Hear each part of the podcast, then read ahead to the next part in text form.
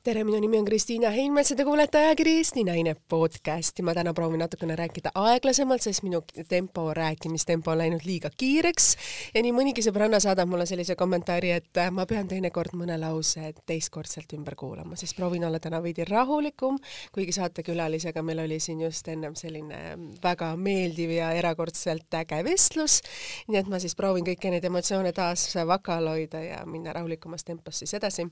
ja ma võib-olla tervitan tervitaksin saate alguses kõiki eestlasi või eestlannasi Chicagos, tervitused teile kõigile, sest podcastide produtsent äh, Lauri Toomsalu tegi meil sellise kokkuvõtte erineva statistika, see, et saadet on kuulatud juba aasta jooksul või siis kümne kuu jooksul ligi kakssada tuhat korda on üks asi, aga see, et äh, Ameerika Ühendriigid on siis see riik, kus siis seda podcasti kuulatakse kõige rohkem ja Chicago just see linn, kus kõige rohkem klikitakse ja siis need kõrvaklapid pähe pannakse. Ja suure tõenäosusega sporti tehakse või kodus laste kõrvalt siis seda vestlust kuulatakse, nii et suur aitäh teile ja kallistused teile kõigile Ameerika Ühendriikidesse ja eriti siis Chicagosse. nädal on meil siis kooli algusest juba möödas ja kellel koolis käivaid lapsi ei ole, siis kindlasti on nad täheldanud seda, et hommikul kell kaheksa ei ole võimalik enam normaalselt meil Tallinna tänavatel liikuda. ma arvan, igal, igal pool mujal linnades on see suht veel normaalne, need ummikud ja asjad, aga Tallinnas on meil ikkagi selline harjumuspärane lisa kolm tundi, kui sa tuled Piritalt või Viimsist, selline tavaline asi või Rocca al Mare, Rocca al Marest see samamoodi tulek ja siis, kui sinna satub nüüd võib-olla siin sügiste ilmadega veel mõni avari hommikul kell kaheksa mm,, milline imeline hilinemine saab olema igale poole hommikustele koos, koosolekutele. nii et see on meil kohe kõigil ees. aga seekord on mul siis mitte väga suur sissejuhatus, sest saatekülaline ise on nii imeline ja nii äge ja teistmoodi ähm, ääretult noor, ta on ema kahele lapsele, aga ta on oma elus jõudnud võib-olla rohkem kui nii mõnigi võib-olla kogu oma elu jooksul, selle lühikese perioodi jooksul. nii et ähm, kui see naine sai tuntuks mõnes mõttes Eesti avalikkuse ees, siis olin mina saalis, kes plaksutas käsi ja hoidis talle pöialt ja ma ei hakka nüüd veel ära siis jälle oma häält avaldama, muidu kõik tunnevad su veel ära. ma näen, et sa naerad. Äh, ma olin siis see, kes hoidis pöialt ja plaksutas käsi, hiljem aastate jooksul me oleme erinevatel lavatagustel kokku saanud, siis kui me seal oma niimoodi silmad kinni naiselikke jutte oleme vestlenud, kus meil tehakse siis ilusaid nägusid pähe ja juukseid kammitakse, no kuhu juurde käib siis tass kohvi ja võib-olla mõned hääleharjutused tema puhul siis minu puhul siis pigem lihtsalt, et äh, natukene teistmoodi õppida oma teksti pähe või kuidagi. ja mõnes mõttes on ka ta omamoodi kroon peas, et kui mina omal ajal sain missiks, siis mõnes mõttes selline kohustus, et sa avalikkuse ees ei satuks erinevatesse võib-olla suurtesse skandaalidesse ja suurtesse sellistesse mm, probleemidesse, siis tema on olnud võib-olla selline väga väärikas naine, kes on suutnud siis seda mõnes mõttes avalikku krooni oma peas kanda, ta ei ole sattunud ühtegi sekeldusse, tema ei saa kuidagi tema peale leida failist midagi, mida ta oleks teinud halvasti.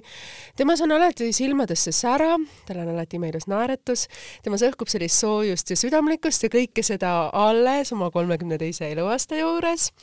nii et tere tulemast siis saatesse, naine, kellega me siin vanasti istusime iga reede õhtul, oodates oma lapsi Eesti Televisiooni lastemuuseumi muusikastuudios siis ära.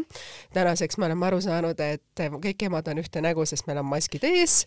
Ja kui me siin alles paar päeva tagasi ootasime oma lapsekesi, tütrekesi sealt laulutunnis, siis nad ei teadnud, kelle poole joosta, silmad käisid ennem edasi-tagasi ringi, vaadati juuksevärvi järgi ja nii mõnigi ema sai kolm valge peaga ema sai ka minu tütrekese enda juurde, nii et tere tulemast, Birgit Sarrap! Tere, tere! Ja no, no nii on jah ma, ma tänan muidugi kõikide nende toredate sõnade eest, mis sa juba, juba ära ütlesid siin äh, küll ilusti rahulikult ja oli kõik väga selge ja väga-väga korrektne, et äh, Aitäh. ja nii on läinud tõesti, et, äh, et päris palju on saadud elu jooksul igasuguseid erinevaid asju teha ja mul on selle üle hästi hea meel. et kuidagi elu on toonud väga palju, palju minuni sa oled alles kolmekümne kahe aastane ja sul on tegelikult juba kaks juba teises klassis käiv poeg ja siis viieaastane tütrekene, et sa said ju väga noorelt emaks, ikkagi tänapäeval on pigem see trend, et seda emaks olemist lükatakse nagu edasi, et kuidas sa nagu ise vaatad, et sa, sinu, ütleme, inimesed, kes sinu ümber on just need naised, et nad on väga erinevates vanustes, et kindlasti seal on äge olla koos enda vanustega, sest nemad veel tahavad peol käia ja võib-olla lõbutseda oluliselt rohkem, kui sina saad seda täna endale lubada koos oma abikaasaga. Ja siis on ju need minusugused emad, kes on juba siis nagu natukene vanema generatsiooni esindajad, kellel on veel väikesed lapsed, et kuidas sa nagu ise vaatad ja võrdled nagu seda oma vanust? ma pean ütlema jah, et, et eks ma pigem ikkagi sain pigem varem emaks kui hiljem, et minu sõbrannade seas on selline beebibuum äh, alles täna. nüüd ja et mul on tõesti meil on mingi viis beebit äh, seltskonnas, kellel kaks tükki ja kellel üks ja, ja, ja pigem tunnen ma nagu ennast, noh, mitte ei saa öelda, et välja tõrjutuna, aga, aga selline tunne vahel on, et noh, nendest beebijuttudest ei mäleta lihtsalt enam mitte midagi. Ja pigem on minul nüüd selline periood, kus tõesti saab ka mm, võib-olla tihemini abikaasaga rahulikku aega nautida ja, ja pigem võib-olla igatsed seda, et saaks jälle sõbrannadega välja minna, aga nendel on siis selline teistsugune elutempo, aga ma usun, et ikkagi emaks saamine äh, ei küsi vanust, minule sellel hetkel see tundus õige aeg, sest et minu elukutse juures nagunii sellist nii-öelda ametlikku õiget aega ei ole ja, ja ilmselt tuli ka sellepärast otsus äh, ikkagi kaks last äh, üsna lähestikku äh, saada, sest et äh, tõesti tundus, et nagunii paremat aega ei tule ja, ja las nad siis pigem kasvavad koos. ja no küllap äh, nii-öelda plusspunkte ja väga suurt toetust on mänginud ka see, et äh, mul on ikka ikkagi vanem abikaasa. Ja, ja tundus, et, et, et see õige hetk oli, oli käes siis, kui ta siis, kui ta oli, aga praegu ma olen oma eluga väga rahul, et tõesti üks käib koolis, teine lasteaias, mul on ka endal palju vaba aega ja saab igasuguste toimetustega tegeleda see on väga hästi nagu öeldud selles mõttes, et oma elu tulebki ise huvitavaks ju elada ja ilmselgelt see periood on täna nagu parim, sest teine klass veel tähendab seda, et ei ole seda füüsika ja keemia õppimist või bioloogia guugeldamist, et kuidas need asjad nüüd täpselt nüüd oli, et ega me ju enam ei mäleta mm. -hmm. see tuleb sul varsti nüüd kätte, ma juba hoiatan sind ja see viieaastane lasteaias on nagu parim aeg, et ei ole veel seda eelkooli, ei ole midagi, aga ta on piisavalt tragi, et ta tahab sinna ise minna ja ise sõbrannadega mängida, nii et see on imeline aeg. aga alustame siis otsast peale, nii nagu me tavaliselt oleme, et sul on ju mitu õde ja sa oled üles kasvanud ju Kohilas, et milline oli sul lapsepõlv, kindlasti natukene teistmoodi ka võib-olla sellistest, kuidas öelda, normaalset kahelapselistest peredest, nagu mina pärit olen. et neli last ikkagi peres on ju suur pere jaa, ikka on. kuigi kuna ma olen pärit tõesti väiksest kohast nimega Kohila, siis seal oli ju lapsi palju ja, ja, ja meil kuidagi äh, läks niimoodi, et äh, mul on siis kaks vanemat õde ja üks noorem õde ja pigem siis kaks vanemat õde kasvasid koos ja mina oma noorema õega koos. nii et äh, kui meil oli selline sihuke tore periood, et sa käid õues ja mängid ja naudid, siis, siis juba vanemad õed tegutsesid juba oma asjadega ja pigem meie nagu segasime neid. aga peab ütlema, et mul oli ikkagi tõesti selline ilus ja turvaline lapsepõlv, ma käisin ka lapsepõlves Kohila koolis, iga päev ilusti äh, ise hommikuti läksin ja mul olid väga armsad vanemad, kes tegelikult tassisid mind ka muusikakoolidesse ja Tallinnasse laulma ja ja, ja siis hiljem juba tulin ka Tallinnasse kooli ja hakkasin ise siis toimetama ja ise käima. aga tõesti peab ütlema küll, et eks, eks ma väga nautisin äh, seda lapsepõlve, kus sai naabri, naabripoiste ja tüdrukutega mängida ja ikka maal olla, et, et vahel ikkagi igatsen seda praegu ka, ka oma lastele. aga õnneks mul vanemad ikkagi elavad sealkandis ja lapsi saab sinna viia, nii et nad saavad selle võib-olla maal olemise vajaduse ma loodetavasti ikkagi siis vanaema ja vanaisa juures kätte. mis on need teemad või need sõnu, sõnad või mingisugused sellised õpetuslikud hetked, mida sa emana oled tahtnud kindlasti oma lapsele anda või kui sa emaks saad, siis sa ise mõistad, et kui palju on neid hetki tegelikult, kuidas me ise võib-olla lastena ema peale vaatasime, et no miks ma pean nii tegema ja siis nüüd sa oled ema selles samas olukorras, aga sa pead tegema, et et kui palju sa seda võrdlust saad, et sa olid ikkagi ju noh, suht, nagu ma ütlesin, sul see periood, iseseisvuse periood oli suht lühike, kui sa said ise emaks, et kindlasti need hetked olid sul veel teismeajast me-, meenus me-, ütleme võib-olla meeles natuke rohkem, et tegelikult ma ei tahtnud seda teha, aga täna ma ise nõuan samu asju ja nii on tegelikult, eks ma tänapäeval seda väga palju näen, et äh, igasugused huvialaringid, äh, kuhu lapsi pannakse, siis äh, tihtipeale ja ma ka oma laste pealt seda näen, on väga keeruline äh, ikkagi neid seal ka hoida ja yeah. et nad ka need ära lõpetaksid. ja et, et see võib-olla küll on üks selline üsna tähtis õpetus äh, minu enda jaoks, minu vanematelt, et ikkagi, kui ma läksin muusikakooli, enne ma sealt ära ei tulnud, kui ma olin selle ära lõpetanud ja noh, kui oli ikkagi näha, et selline väike anne on olemas ka, ma saan aru, et kui ikkagi äh, laps, noh, seal sa näed, et, et seal ei ole noh, mingit arengut ei ole, tal ikkagi üldse see ei meeldi, siis tasuks ilmselt otsida ikkagi mingisugune muu, muu eriala, aga, aga, aga ma tõesti oma laste puhul ka äh, seda praegu üritan äh, ikkagi rakendada, et isegi kui ongi näiteks poisiga on niisugune hea näide, et äh, üritasime teda ka panna siis erinevatesse lastekooridesse, kõigepealt siis Lasteekraani muusikastuudiosse.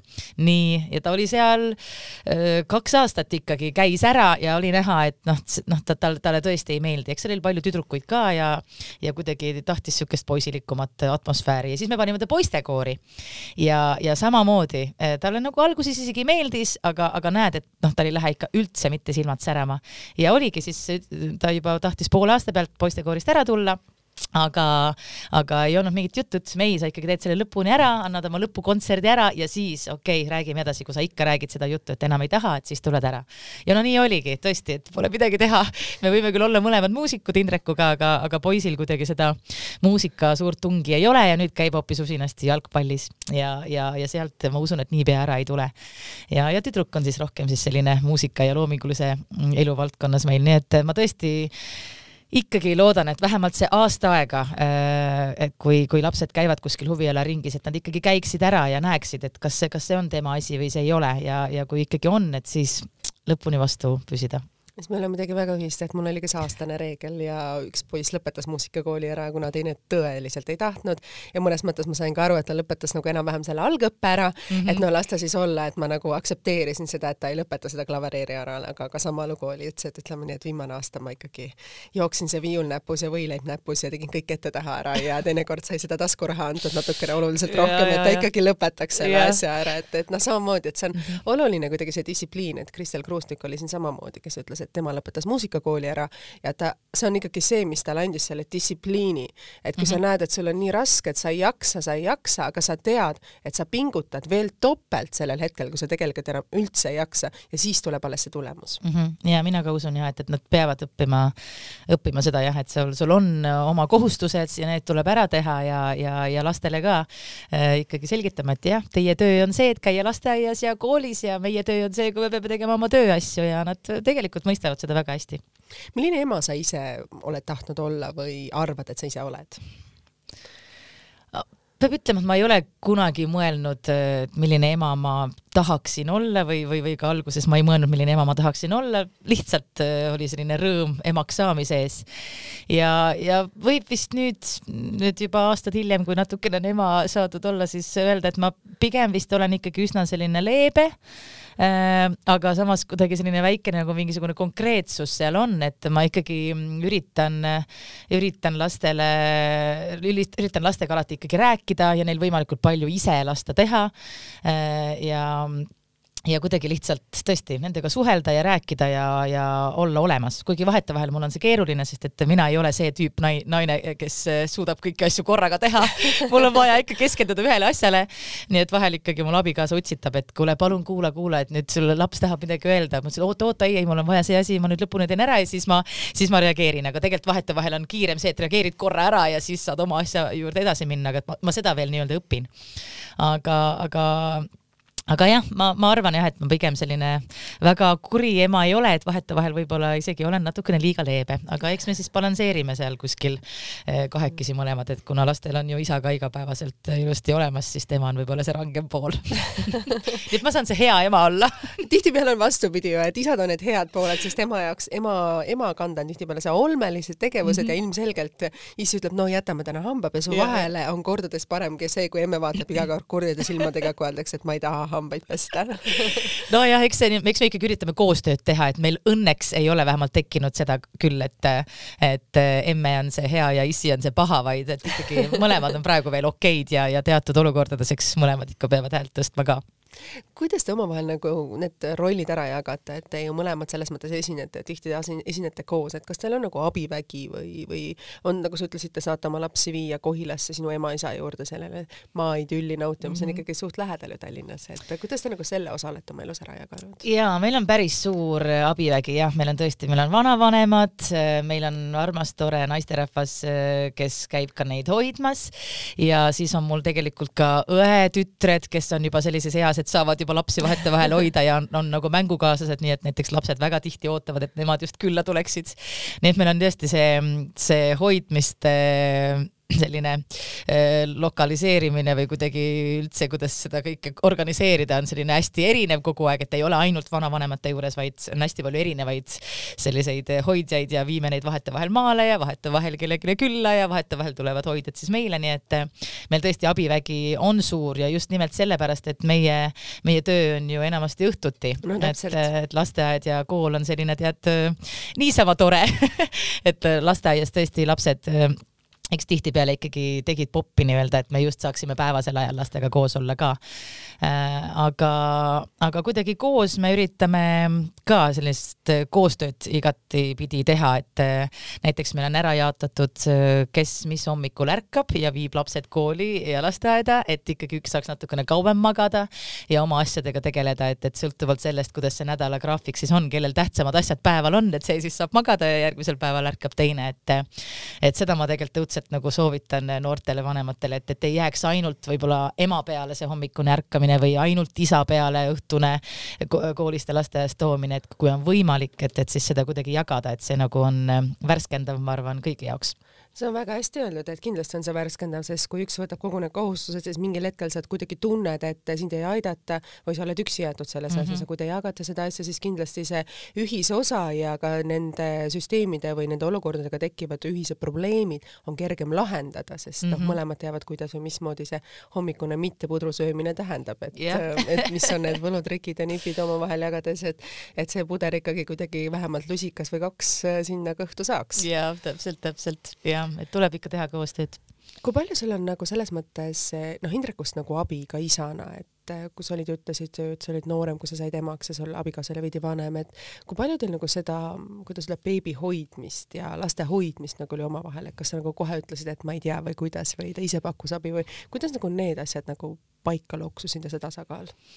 no see läks kuidagi kõik väga loomulikult eh, ja ma tegelikult näen seda väga palju ka tänapäeval eh, et tänapäeva isad on ikkagi kohe kaasatud ja nad tahavad olla kaasatud ja muidugi emad peavad andma selle võimaluse, et ikka esimesed mähkmevahetused tulid kohe haiglas ja esimene kussutamine magama tuleb kohe haiglas ja kui ta selle seal käppa saab niimoodi, et need äh, arstitädid seal kõrval igaks juhuks vaatavad, et tal on see kindlustunne, et ta midagi valesti ei tee, siis, siis ta julgeb seda kodus edasi teha. et äh, ja, ja niimoodi on tõesti läinud, et ta on nagu olnud kaasatud ikkagi kõiksugu vanustes äh, kõiksugu asjadega, et ei ole mitte midagi, mida ta ei oska teha, isegi patsi punumise ta õppis, õppis tüdrukule ära. Aga tal oli endal muidugi huvi. küll plaksutama, Indrek, see on suurepärane. Aga muidugi noh, ta seda väga harva ikkagi veel teeb, sest et see tuleb lihtsalt liiga aeglaselt välja, aga tal oli endal ka selline sportlik huvi, et kui keeruline see siis nüüd ikkagi nüüd on, on ju seda kolm, kolm seda riba nüüd võtta ja üksteisele otsa panna, et tegelikult see ei ole ju keeruline ja, ja tuleb välja, kui natukene, natukene aega, aega aega, aega lihtsalt nõuab ja natukene vaeva näeb, näha aga, aga tõesti jah, et eh, eks see on ikkagi kõik igas valdkonnas, eh, ma pean ütlema, et ilmselt on see nagu ikkagi tore, et mul on natukene vanem, eh, vanem abikaasa, kellele saab alati loota, kellelt saab alati nõu küsida ja kuna ta tõesti on elus ka hästi palju mm, reisinud oma töö tõttu, siis ta on ka hästi palju näinud ja ilmselt võib-olla kuidagi sellepärast võtab kõike üsna selliselt nagu lihtsalt, et ei lähe liiga liigselt närvi ja noh, ja, ja see nagu mõjub mulle võib-olla, kes olen natukene selline emotsionaalsem ja närviline mõtlesin nagu väga tasakaalukalt no väga armsasti nagu öeldud mm. -hmm. aga räägime võib-olla ka sellest nüüd, et äh, sa olid ju Superstaari saates, ise mm -hmm. osalesid mm. -hmm. nüüd sa oled see saatejuht, et kuidas sa nagu ise mõtled sellele ajale, ajaperioodile tagasi, et ikkagi, kuidas öelda siis, lava pealt oled sa saanud nüüd sinna teise tooli peale, kaks täiesti eraldi emotsiooni, esimesed saated on teil juba kindlasti ju salvestatud mm, -hmm. et kuidas sa nagu seda asja perioodi nüüd nagu kommenteerid? Jah, ma saatejuht ikkagi ei ole, äh, ma olen kohtunik onju ja, ja, ja, ja mm, -hmm. aga noh, see ongi natukene siukene segadust ajav, sellepärast et see kohtuniku roll on ka tõesti väga-väga oluline ja me viime palju seda nii-öelda saadet läbi ka. Äh, aga eks see pakkumine muidugi, kui see tuli, siis ma olin hästi meelitatud ja, ja suhteliselt su suure hurraaga ikkagi kohe ütlesin jaa, sest et tõesti see saade on minu jaoks selline kõige südamelähedasem kogemus ja, ja minu nagu selline esimene etapp äh, selleks, kes ma täna olen. et ma olen hästi nagu tänulik sellele saatele ja, ja ikka siiamaani meenutan seda, seda kogemust ja, ja sellepärast oli hästi suur rõõm sellega uuesti nii-öelda siis ennast siduda. ja tõesti, esimesed nii-öelda need kollased kaardid, kuulsad kollased kaardid on nüüd jagatud ja, ja see oli, ma arvan, üks selliseid keerulisemaid voore, sest et ma esimest korda siis äh, olin selles rollis, esimest korda sa näed neid lauljaid, esimest korda pead ütlema ei. ja tõesti, kui ma esimest korda selle ei ütlesin, siis ikkagi noh, päris raske oli küll, sa kohe nagu hakkad seda läbi elama, et appi, kuidas see inimene nüüd ennast võib tunda ja ja, ja, ja noh, ei, taha ju kellelegi kuidagi haiget teha, aga eks ma saan aru, et ikkagi tuleb, tuleb olla ka aus ja, ja, ja saad, saata inimesed nii-öelda õigele teele, et, et ei ole muusika äh, kõikide inimeste jaoks ja, ja aga see on igatahes hästi-hästi põnev ja ma arvan, et tuleb hästi-hästi tore saade, nii et selline põnev, põnev sügis ja põnevad pühapäevad tulevad kui palju Kaupo teile neid juhtkirju või juhtnööre jagab, et nüüd tehke nii või nüüd tehke naa, et ma tean, et ise olles siis Eesti Talendi žüriis, siis ikkagi noh, nähes ikkagi selline naiselik seal välja, võib-olla liigagi naiselik nende Valdo Randpere ja Mihkel Raua vahel, siis nad ütlesid alati, öeldi mulle, et ole kuri ja proovi ikkagi olla nagu tõsisem ja proovi ikkagi mitte nii palju naeratada ja proovi ikkagi nagu selles mõttes nagu tugevam olla. ja eks ma siis seal pingutasin nii mõnigi kord okay., ega endalegi oli mõnigi kommentaar võib-olla halb välja öelda, aga eks ma proovisin proovisin siis nagu see kurjem naine nagu ka olla aeg-ajalt, et kui palju nagu sinult mm -hmm. nagu mhm. oodatakse seda, et noh, nagu ma ütlesin, et sinus on ikkagi seda headust ja helgust mm -hmm. ja sära hoopis teises valdkonnas, et kui palju sul nagu öeldakse, et ole ikkagi natuke selline teravam, nagu oli võib-olla meil esimene žüüriis naine olnud äh, Meidi Purga mm. -hmm.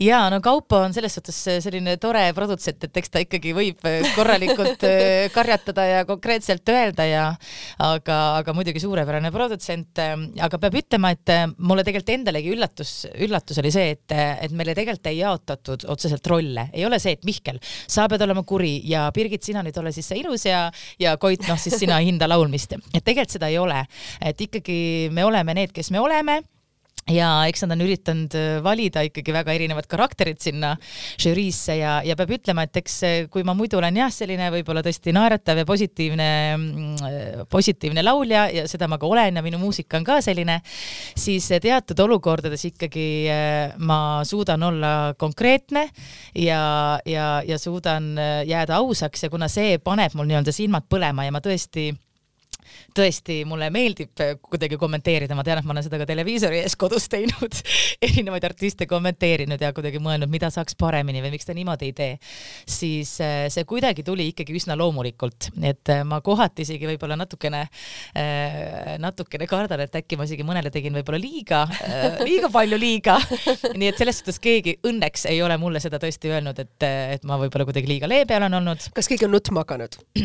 jah, eks meie ees õnneks mitte, aga, aga eks sealt äh, meie ruumist, äh, ruumist lahkudes jah, on ikkagi toimetajad öelnud, et aa, tema nuttis ja tema nuttis ja ma saan aru, see on tõesti hästi tähtis tähtis, äh, tähtis nende jaoks, aga, aga pole midagi teha, mingi valik tuleb teha ja me peame kuidagi suutma oma selle südame külmaks teha sellel hetkel. kui palju sa emotsioone sealt nende saate salvestustest koju kaasa võtad, et kui palju sa seda mõnes mõttes lastega jagad või oma abikaasaga jagad, sest see on ikkagi väga intensiivne päev, sa hommikul juba, sa tegelikult noh, päev ette hakkad valmistuma, ette valmistuma, seal on võib-olla mingisugused, ma ei tea, laulud või asjad on ka ette võib-olla antud natukene selliste juhtnööridena ja siis sa oled päev läbi tegelikult selle sees ja see tempo, mis seal on ju nii kiire, igaks ähm, küla, iga külaline jaoks on võib-olla seal minut, võib-olla veel vähemgi ja sa pead selle ära selekteerima, sa võib-olla ei mäletagi, kes oli see esimene, kes sul mm -hmm. oli, mhm. sest neid on seal nii palju, et kuidas sa nagu ise emotsionaalselt koju jõudes oled? no eks ikka väga väsinud jah seda peab ütlema küll, et ma isegi ei arvanud, et see nagu nii väsitav on, et see, et sa tõesti oled, sa pead kogu aeg kohal olema mm, -hmm. äh, igatipidi kohal ja olema. ja, ja et, et see kohal, aga kuidagi ongi, kuna seda mulle nii väga meeldib teha, siis, siis see kuidagi tuleb loomulikult ja, ja eks sul jäävad ikkagi need erilised inimesed jäävad kohe meelde, pole midagi teha, need kõige-kõige paremad jäävad meelde ja no. muidugi need kõige naljakamad jäävad ka meelde ja eks ma neid kõiki emotsioone olen ikkagi kodus Indrekuga jaganud ka, et lapsed veel ei saa aru, nad teavad, et ma käin mingisugustes saate salvestustes, aga nad täpselt ei tea, mis see on, et eks kui nad näevad siis esimesed saated ära, siis nad saavad aru, millega tegu on ja ma usun, et siis nad juba rõõmuga rõõmuga vaatavad ja elavad kaasa, sest et ma tean, et Maskis laulja neile näiteks väga-väga meeldis, aga muidugi see oli hästi põnev, põnev saade ka ja nägi neid toredaid maske. et, et jaa, ta on emotsionaalne, aga kuna ta tõesti mulle kuidagi väga hästi sobib ja, ja nii väga meeldib ja paneb silmad põlema, siis, siis mis siis, et see natuke väsitav on, on see ikkagi rohkem tore. kui sina oled nüüd saate salvestustel, siis Indrek vaatab lapsi? Jaa, praegu on küll läinud enamasti niimoodi, jah. Ja ta on rahul selle rolliga. Jaa, ta on rahul, et nagu ma ennist ütlesin jah, et me kuidagi oleme selle algusest peale kokku leppinud, et äh, me saame lapsed koos ja me peame ka koos nendega, neid koos kasvatama, koos nendega tegelema. Ja kuna meie töö on selline, et meil on nagu mõle-, mõlemal läheb sama palju aega umbes, et sõltuvalt sellest, kellel on raskem tööperiood, eks siis, siis see teine pool toetab laste hoidmisel ja lastega koos olemisel rohkem see on väga armsasti öeldud. aga kui tihti te saate kahekesti leida aega, et sinul on ilmselgelt see sügis väga keeruline, kas sa olete juba võtnud sellise otsuse, et see sügis on teil võib-olla omavahelist aega natukene vähem, sest noh, sa oled mm -hmm. keskendunud sellele ühele saatele ja kindlasti Indrek peab tegema muid, kuidas öelda, tööotsi kordades mm -hmm. võib-olla rohkem ja teistmoodi ilma sinuta mm. -hmm no mina olen nagu peres selline nii-öelda vaba aja planeerija nii-öelda. Meil on ära jaotatud, et ma olen see vaba aja planeerija ja siis Indrek on siis pigem siis see töögraafiku äh, planeerija, kes siis paneb kõik äh, tööasjad meil paika. Äh,, aga eks see aeg tuleb lihtsalt võtta, ega siin midagi, midagi muud ei ole. ja siis me vahetevahel võtame, meile väga meeldib teatris käia ja väga meeldib hästi süüa ja restoranis käia. muidugi meeldib meil ka reisimas käia, kui oleks võimalik, siis ma muidugi reisiks kogu aeg, ma tunnen, et ma kohati nagu elangi natukene äh, sellises mõttemaailmas, et ma teen oma asjad ära ja siis ma ootan kogu aeg seda ühte reisi, kuhu ma jälle saaks, nii et see koroonaaeg oli minu jaoks ikkagi üsna keeruline, et reisi, reisile ei saanud. nii et tavaliselt me ikka tõesti, me käime sügisel ja, ja ja, ja käime, käime kevadel ja käime suvel ja, ja nüüd siis äh, tavaliselt on meil traditsiooniks saanud, et me minu sünnipäeval septembri lõpus kuskile läheme. Äh, mulle tundub, et me sellel aastal vist peame jääma ikkagi Eestisse, aga me kindlasti läheme vähemalt kuskilt siis Tallinnast välja ja naudime kas mõnda spaapuhkust või, äh, või lihtsalt mõnusat looduses olemist, nii et, et ikkagi lihtsalt, lihtsalt tuleb see aeg leida ja, ja õnneks tänu sellele, et meil on palju hoidjaid, siis, siis me saame seda endale lubada. tegelikult saab ka täna teha neid otsuseid viimasel hetkel lausa, et sa esmaspäeval otsustad ja sa reedel, reedel lendad mm, -hmm. sest noh, need piletid võib-olla selle võrra kallimad, aga sul on ka mõnes mõttes ka väiksem risk selles osas, et sa jääd ja, lennujaama või sa ostsid pide-, pikalt ette selle odava pileti ära ja kahjuks seda lendu ei saa teha, sest sellest mm -hmm. esmaspäevast on uued koroonareeglid. et, et noh, pigem on nagu sellist viimase hetke pakkumise või ostmise, pileti ostmist on nagu minu enda tutvusringkonnas ka palju, et kui vanasti elatigi sellest, et teate, et kooli, see koolivaheaeg ma lähen sinna, talvel ma lähen sinna, järgmine koolivaheaeg mm -hmm. olen ma seal, sest noh, peredega üldiselt koolis käivate laste peredega reisivad koolivaheaegadel, siis täna ütlevad kõik, meie ei tea. No vot nagu see on minu jaoks, see on minu jaoks üsna uus jah, et tõesti nüüd tulebki ju koolivaheaegadel reisida.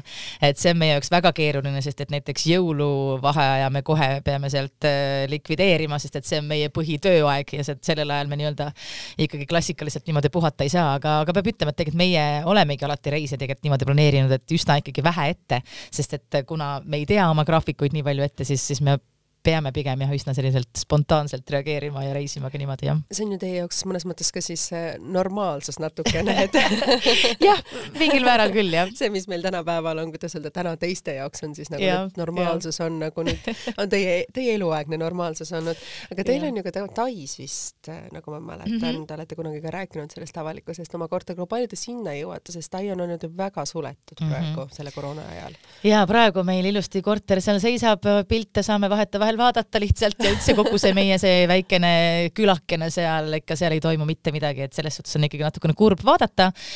samas teisipidi jällegi tore, et see loodus seal jällegi tärkab ja, ja, ja kindlasti muutub ilusamaks ja et ma arvan, et Tai valitsus tegi ikkagi õigesti selle, et nad panid suhteliselt varakult ikkagi kohe kõik kinni ja ma arvan, et natukene oli ka see mõte just sellepärast, et see taastuks, see ilus loodus, mille pärast sinna kunagi inimesed läksid, et äh, aga, aga eks me viimastel aastatel enam väga palju palju sinna ei jõudnud, sest et sa tahad lihtsalt muid kohti ka näha. Äh, aga, aga ikkagi selline noh, enam-vähem ka tõesti, kui ma praegu mõtlen ka ju lapsed, meil esimene on juba kaheksane, no siis me ikkagi oleme viis korda oleme kindlasti juba, on nemad seal juba käinud, nii et, et ikkagi niimoodi peaaegu iga, iga aasta ikkagi korra, korra püüame minna, sest see on meie jaoks selline hästi südamelähedane koht. Äh, me abiellusime seal ja, ja tõesti no, meie, ja täpselt, täpselt, meie no. need lapse, lapsed tõesti nii-öelda kasvasid osa, osaliselt seal ju üles, et näiteks see ujumise rõõm on täielikult tulnud sealt, et nad nii palju saanud ujuda ja ja, ja siiamaani nad armastavad kohutavalt vett ja, ja et, et sellised positiivsed mälestused selle kohaga tulevad igatahes siis tuleb hoida ainult pöialt, et kõik see koroonaaeg saaks mööda ja te saaksite oma sinna imelisse koju tagasi mm, -hmm. sest noh, praegu on sinna minek vist samamoodi väga keeruline, vist see on kinni praegu.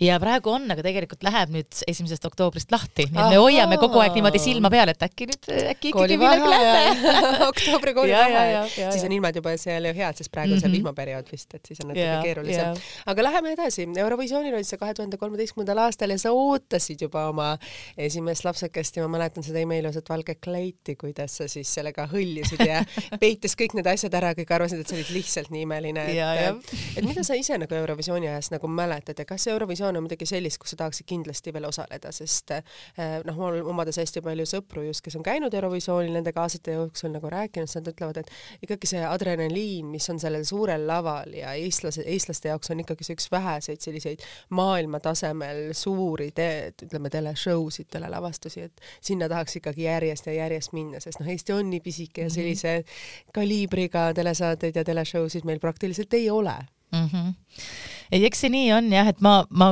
kohati nagu tagantjärele või nüüd, nüüd mõtlen, et ma olin siukses mingis omas mullis, oligi, ma olin ju lapseootel ja, ja kuidagi kõik need mehed seal ümberringi seal toetasid ja aitasid mind ja ma mäletan, kuidas ma tegin seal hotelliruumis, tegime su läbi Zoomi neid ähm, hääleseadjaga tunde ja sihuke ikkagi meeletu nagu töö käis. et ähm, äh, aga, aga see kõik oli muidugi ääretult põnev ja, ja see tunne tõesti seal laval esineda, et see, seda ei saa millegagi võrrelda, et see vastutus ka tegelikult ka Eesti riigi ees kuidagi on selline teistmoodi, et sa ikkagi esindad oma riiki, et see on selline hästi hästi hea tunne, no ma kujutan ette, et see täpselt samamoodi oli ju ka viisivõistlustel kunagi, et see ei ole ainult see, et lihtsalt äh, olen ilus, vaid sa nagu kuidagi noh, tead, et see on oluline. Äh, et, et ei ole lihtsalt tavaline etteaste. Ja no muidugi Eurovisiooni lauluvõistlus ongi ta on tegelikult ju maailmas kõige suurem tele, tele, teleshow üldse. nii palju vaatajaid ei ole maailmas mitte ühelgi saatel. et ta on suur ja, ja, ja ei ole kohta, kuhu pop, popartistil eh, minna ja niimoodi esineda, nii et eh, ma enam ei välista küll jah, ma alguses välistasin ma ilmselt rohkem ei lähe ähm,. aga, aga ma enam ei välista, et, et kui on see õige laul ja õige hetk ja õige koosseis, siis, siis miks mitte, võiks uuesti minna. aga ma hoian pöialt, et see õige laul tuleb sinuni ja sa sinna jälle taas nagu lähed selles mõttes, et et sul ju läks väga hästi Eurovisioonil, et kõikidel eestlastel ei ole läinud, aga sinul ju läks ju tegelikult erakordselt hästi, arvestades veel, et sa olid sellises olukorras, mis oli natukene kriitiline mm, -hmm. kus sa kunagi ei teadnud ette, mis võib nagu, nagu tulla, aga sa nagu kuidagi öelda, tegid nii hea ja toreda vapra näo, et keegi ei saanud arugi, väga palju osalisi, et hiljem tuli siis see nagu see asi uudisena välja ja,. jah, jah, no eks ta oli tore, oli, oli tore aeg ja eks ma ikka andsin endast kõik ka, ka, aga alati saab ju paremini, finaali küll sain, aga ikka tahaks ju palju paremat kohta saada see on see ambitsioonikus, mis tuleb kaasa muusikakoolist. et kui sa teed mingisuguse etteaste ära, siis see adrenaliini süst, mida sa oled seal saanud, saad aru, aga ikkagi mõni noot oli natukene mm -hmm. valesti, mõne käigu oleks võinud teha paremini, see on see kuidagi see harjumus, mis me nagu saame lapsena sisse käies yeah. erinevates ringides. aga sa oled teinud ju kaasa ka väga mitmetes muusikalides ja teatrietendustest Eestis, et mis on võib-olla sinu enda jaoks kõige rohkem sinule andnud või mida sa mäletad võib-olla kõige rohkem? sa olid ju päris noor, praktiliselt kohe pärast võitu olid juba sul esimesed teatrietendused ja muusikalid ju mm -hmm. nõndanimetatud laual, et kohe otse Superstaari lavalt siis teatrilavale praktiliselt. no tegelikult samal ajal, kui ma Superstaari saates käisin, ma lõpetasin keskkooli, ma käisingi siin Tallinnas äh, Vanalinna Hariduskolleegiumi teatriklassis ja samal ajal olid ka meie nii-öelda lõpuetendused, eh, mis oligi siis eh, Lembit Petersoni ja Maria Petersoni lavastatud üks mingi Shakespeare'i etendus veel. Ja mul lihtsalt eh, niivõrd vedas, et mitte ühtegi etendust ei olnud pühapäeviti. tänu sellele ma üldse sain selles saates osaleda.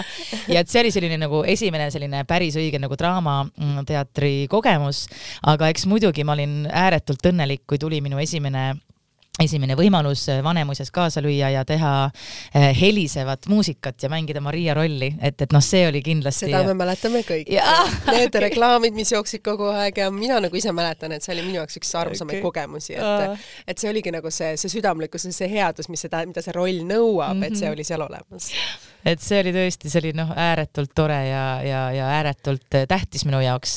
ja tegelikult ega, ega vähem tähtis ei olnud muidugi ka osalemine nüüd eh, APA muusikalis, eh, Mamma Mia muusikalis ja mängida seal siis seda tütrekese rolli ja just nüüd ju tuli APA ju uuesti kokku, eile just kuulasin seda lugu ja no ikka vägev värk, et, et selline mm, sihuke hea tunne tuleb küll, et ma loodan, et seda võimalust tuleb veel, et mängida, et, et peab ütlema küll, et mulle mulle meeldib just, just see muusikalide äh,, muusikalide žanr muidugi ka, eks see lihtsalt tuleb mul ilmselt paremini välja, kui kuskil draamarollis mängida, aga, aga selline väikene teatripisik tõesti juba, juba, juba noorest east mul muidugi on, on kaasas kas omal ajal ei mõelnud selle peale, et ma tahan saada päris näitlejaks, et ma tahan minna, sa ju õppisid vastavas koolis ju mm -hmm. ja sealt üldjuhul minnakse väga palju lavakasse. kas sa sellel ajal ei mõelnud, et ma küll tulin selleks superstaariks, aga ma tahan ikkagi saada hoopis näitlejaks või sa kohe teadsid, et muusikakool ja muusika on sinu jaoks tähtsam kui siis võib-olla need lavalauad ja olla nagu päris näitleja või kuidas siis täna, kuidas me siis täna nimetame, et kuidagi Eestis on äh, sisse saanud veel selline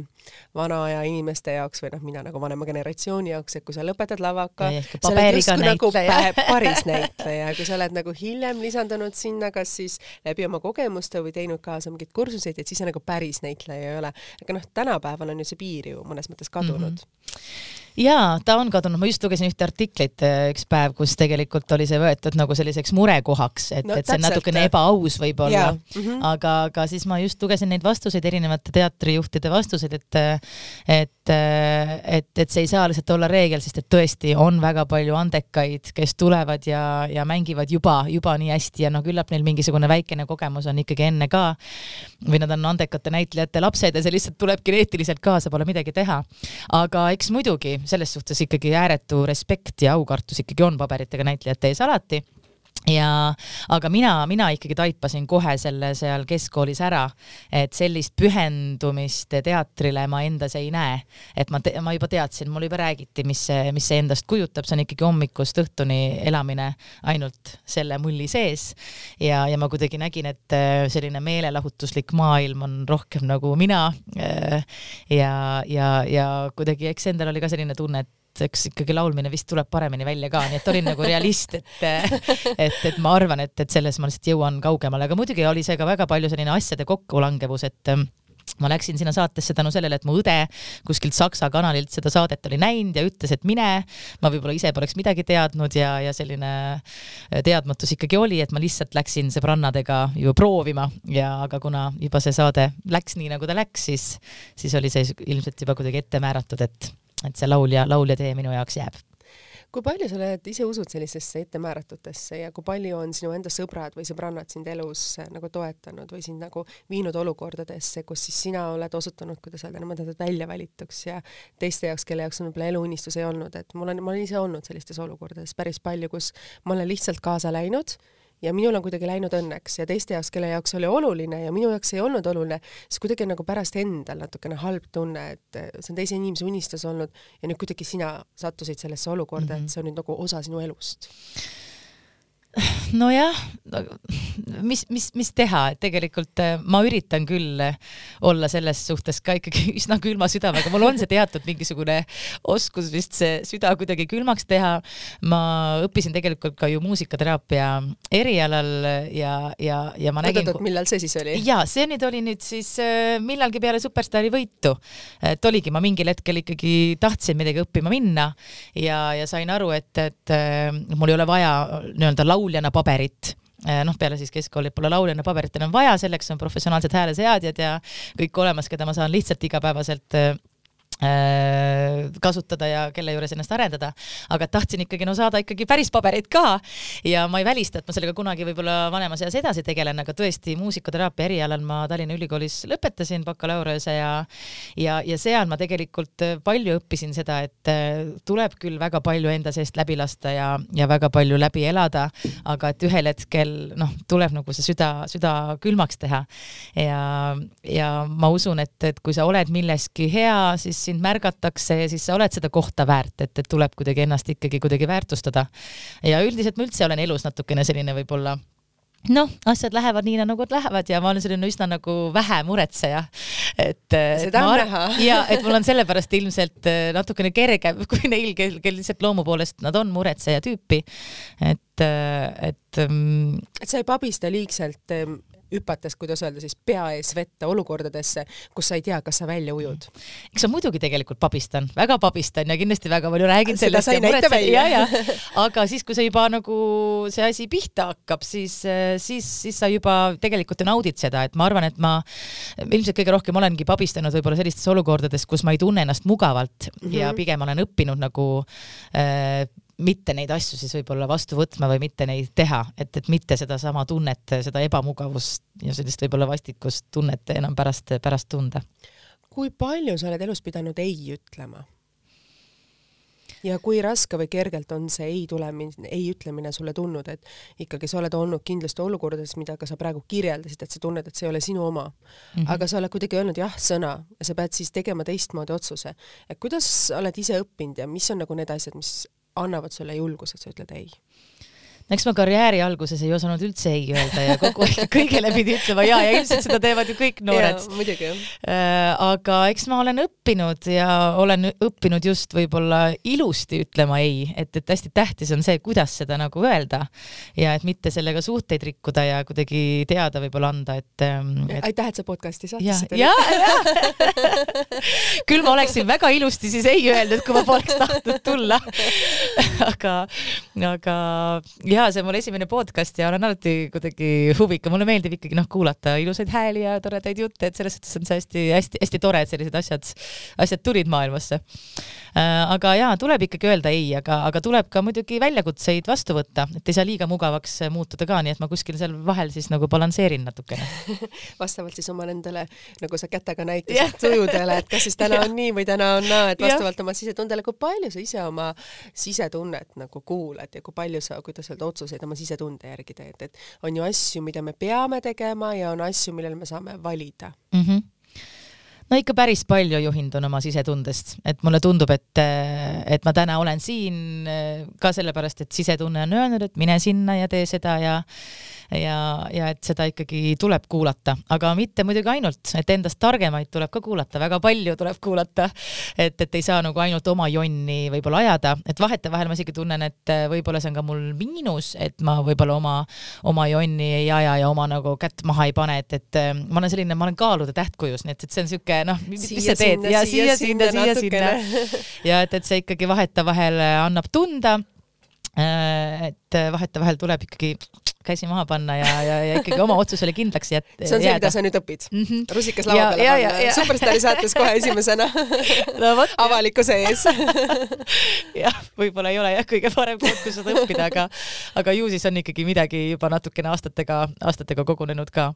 et, et jah, tuleb ka kuskil seal kahe vahel ikkagi igas asjas olla kui palju sa iseenda jaoks võtad aega, sest noh, nii palju rolle on meil tegelikult ju naistena täita, et sul on küll on abikaasa, kelle kohta sa ütlesid, kes teid toetab, kuna lapsed olid teil ühine otsus, teie abielu on ühine otsus, te olete nagu toetate üksteist ja langetate koos neid otsuseid ja arvamusi ja proovite, kuidas öelda siis, omale ja üksteisele ka aega anda, aga kui oluline on nagu sinu enda jaoks iseenda privaatse aja võtmine näiteks, et noh, mina ei osanud seda isegi mõelda sellise asja peale, sest noh, kuidagi kõik asjad olid sinu ümber ja see, et no miks ma pean aja võtma, et ma ju saan kõigega hakkama. Mm, -hmm. aga tegelikult hetkel mingil hetkel sa ju inimesena jooksed kokku, sest äh, me vajame kõik nagu kas oma mõtete kuulamist korra hetkel või kasvõi see podcast'id, miks ma hakkasin ju tegema, et ma ise hakkasin teiste naiste mõtteid kuulama lihtsalt sellepärast, et mitte kuulata seda laste kisa või laste multika hääli või mm -hmm. neid kooli, kuidas öelda, jutte lastel, siis poistel õpetajatega jutte, et sa tahtsid nagu omaenda aega mõelda või kuulata täiskasvanute jutte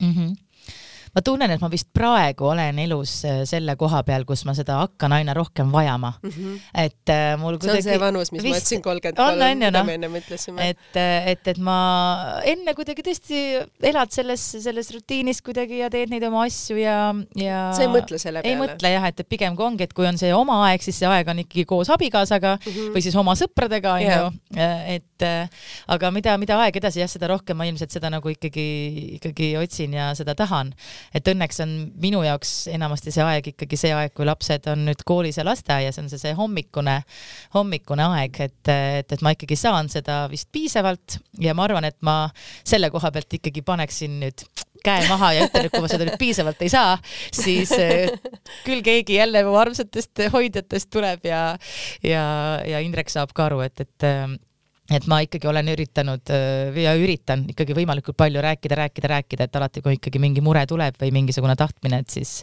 siis seda alati välja öelda sa ütled nii ilusasti, et rääkida, rääkida, rääkida. Eesti mees üldiselt ei räägi mm. -hmm. kas sinu abikaasa on siis, kuidas öelda, teistmoodi näide siin Eesti ühiskonnas? ei ole absoluutselt ta on ka tegelikult väga kinnine eh, ja väga palju hoiab enda sees ja mul on sellest nii kahju, sest et ma tean, et tal hakkaks nii palju kergem, kui ta, kui ta ei hoiaks eh, kõike enda sees ja võib-olla oleks nagu avatum ja, ja ongi okei okay ennast vahetevahel tunda kurvalt või vihasena või et ei pea olema kõik alati hästi, et ta ikkagi ka väga palju surub surub, surub, surub alla.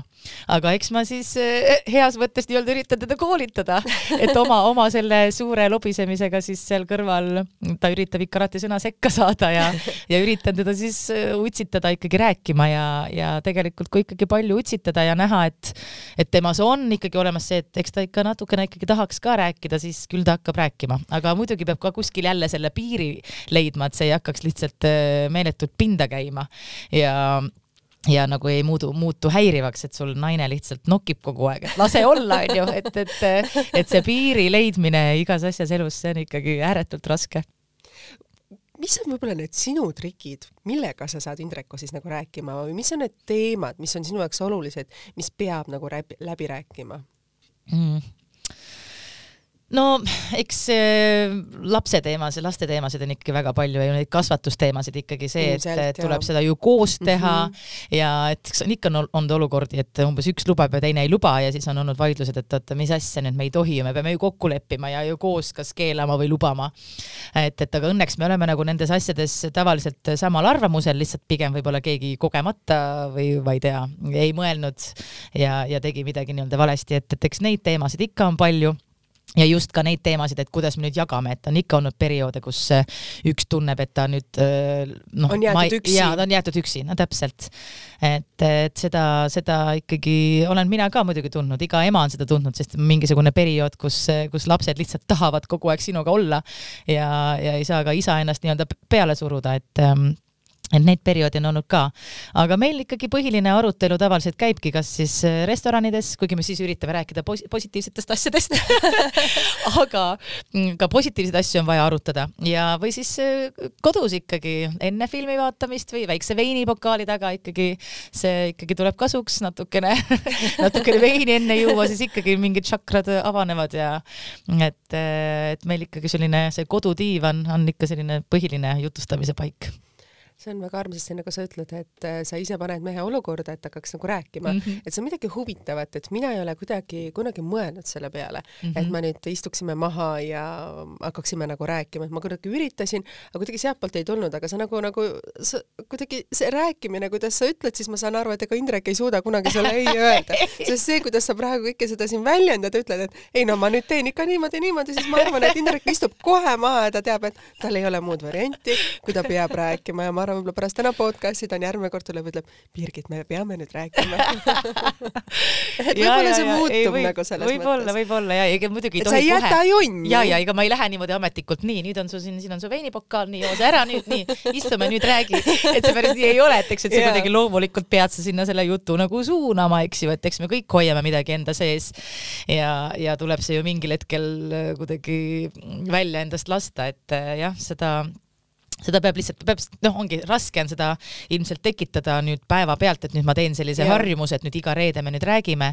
see on kohutav. see on ju kohutav, et see peab ilmselt kuidagi noh, esimene samm tuleb kuidagi ära teha, aga. mis oli sinu ja. esimene samm, kui su, kui sa tundsid, et sa pead mm -hmm. nagu rääkima ja ilmselgelt Indrek on siis selline ere Eesti mehe näide no meil õnneks ikkagi läks see selles suhtes juba enne lapsi algusest peale mm, -hmm. et mhm. meile tõesti, meil meeldis koos filme vaadata.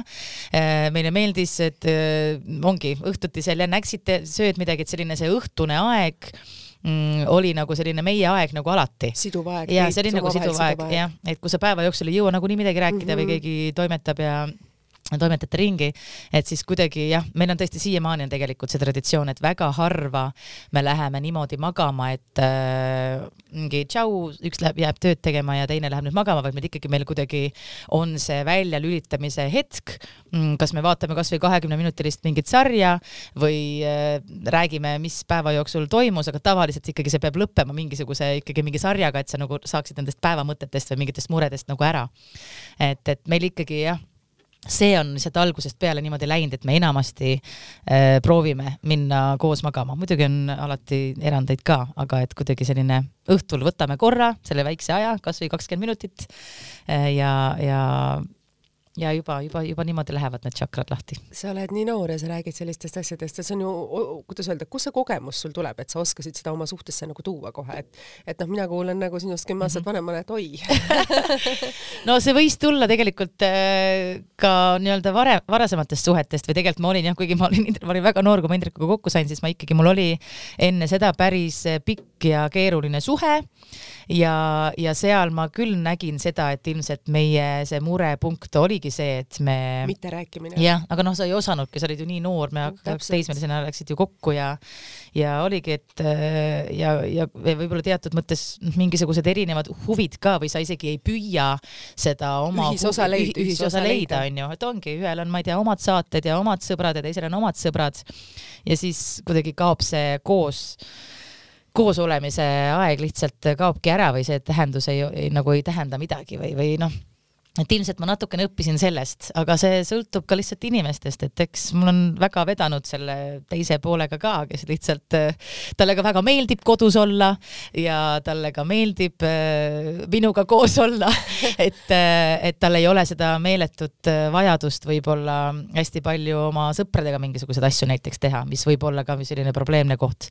aga muidugi tema saab oma sõpradega vajaduse kätte ansambel The Swingersiga esinemises, esinedes, kes on tema parimad sõbrad ja tal ei olegi vaja lihtsalt. Te ju esinete ka väga palju koos, et ja. kuidas te nagu selle tööasjad omavahel ära jagate, et kui te olete koos laval, kas on teinekord, et sina vaatad talle kurja silmaga, et mida sa nüüd tegid või tema vaatab selle kurja silmaga, et sa astusid vale sammu palju seda teil on? eks me ikka üritame ikkagi äh, laval ja esinedes need äh, muud mured selja taha jätta, et seal kuidagi läheb selline mingi teine teine elu hakkab käima, seda on hästi keeruline selgitada, et, et seal peab ise olema, et seda, sellest aru saada, et jah, me võime, ongi autoga sõites äh, kraagelda, kui me läheme esinema, aga siis, kui me kuidagi sinna jõuame ja võib-olla isegi kraakleme veel enne, kui me veel, kui me seal riietume, aga siis ongi see okei okay,, okei okay,, nüüd lähme lavale, nii, nüüd unustame nüüd ära, nii, mis me nüüd siis teeme? Ja noh, ühesõnaga see see on teine energia. see on teine energia, siis sa tegelikult äh, toitud sellest energiast, äh, mis see rahvas sulle annab ja sa üritad nendele anda ikkagi positiivset energiat, et seda negatiivset energiat ju tõesti nendele sa anda ei taha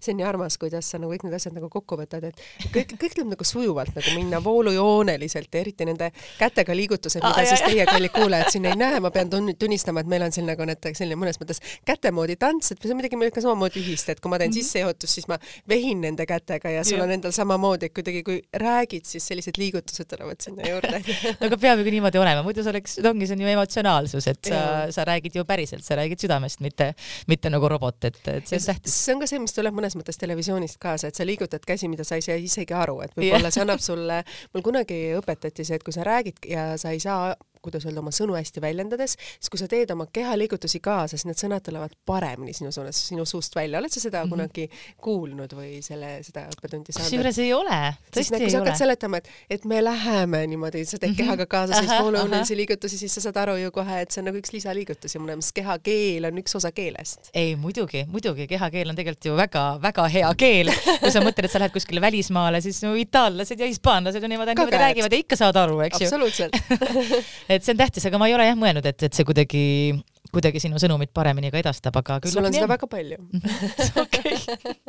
see on see, mida meie kuulajad ei näe. -hmm. aga kell on nii palju, et me vist peame hakkama seda saadet kokku võtma, ma tean, et sa jooksed edasi mm. -hmm. täna meil on nüüd reede, kui me siis nagu salvestame seda saadet jälle mm. -hmm. Tavaliselt oli reede õhtuti meil ETV Eesti Televisiooni lastemuusikastuudios kokkusaamine viimased kaks aastat yeah., eh, siis küll veel ilma maskideta suurem osa ajast sellest ja tihti nii mina tulin meigiga sinna kohale kui Birgit tuli meigiga, sest sa ütleme see vist, see lõppes tund vist kell seitse ja, ja pool seitse ja, ja väga pool seitse, seitse, see tähendas seda, et seitse, hiljemalt pool kaheksa pidime olema kuskil üritustel või sina siis esinemas või teatrisse olime minemas või siis olid meil vanemad kaasas, kus me tegime lapsele kalli ja vanaema või vanaisa võttis selle lapse ära, nii et ka sellised kogemused meil on olemas, täna ei ole, õnneks on nüüd lapsed suuremad, käivad nädala sees oma, teevad oma tunnid ära ja reede õhtud on meil nüüd iseenda tarbis või siis sul ka perega koos. ja saab aeg. ikka ilusti esinema minna, aga, aga õnneks Tallinnas, nii et, et, et jõuab, jõuab, jõuab veel ilusti toimetada no väga armas, aitäh teile, kallid kuulajad, kes te olite selle tunnikese koos meiega.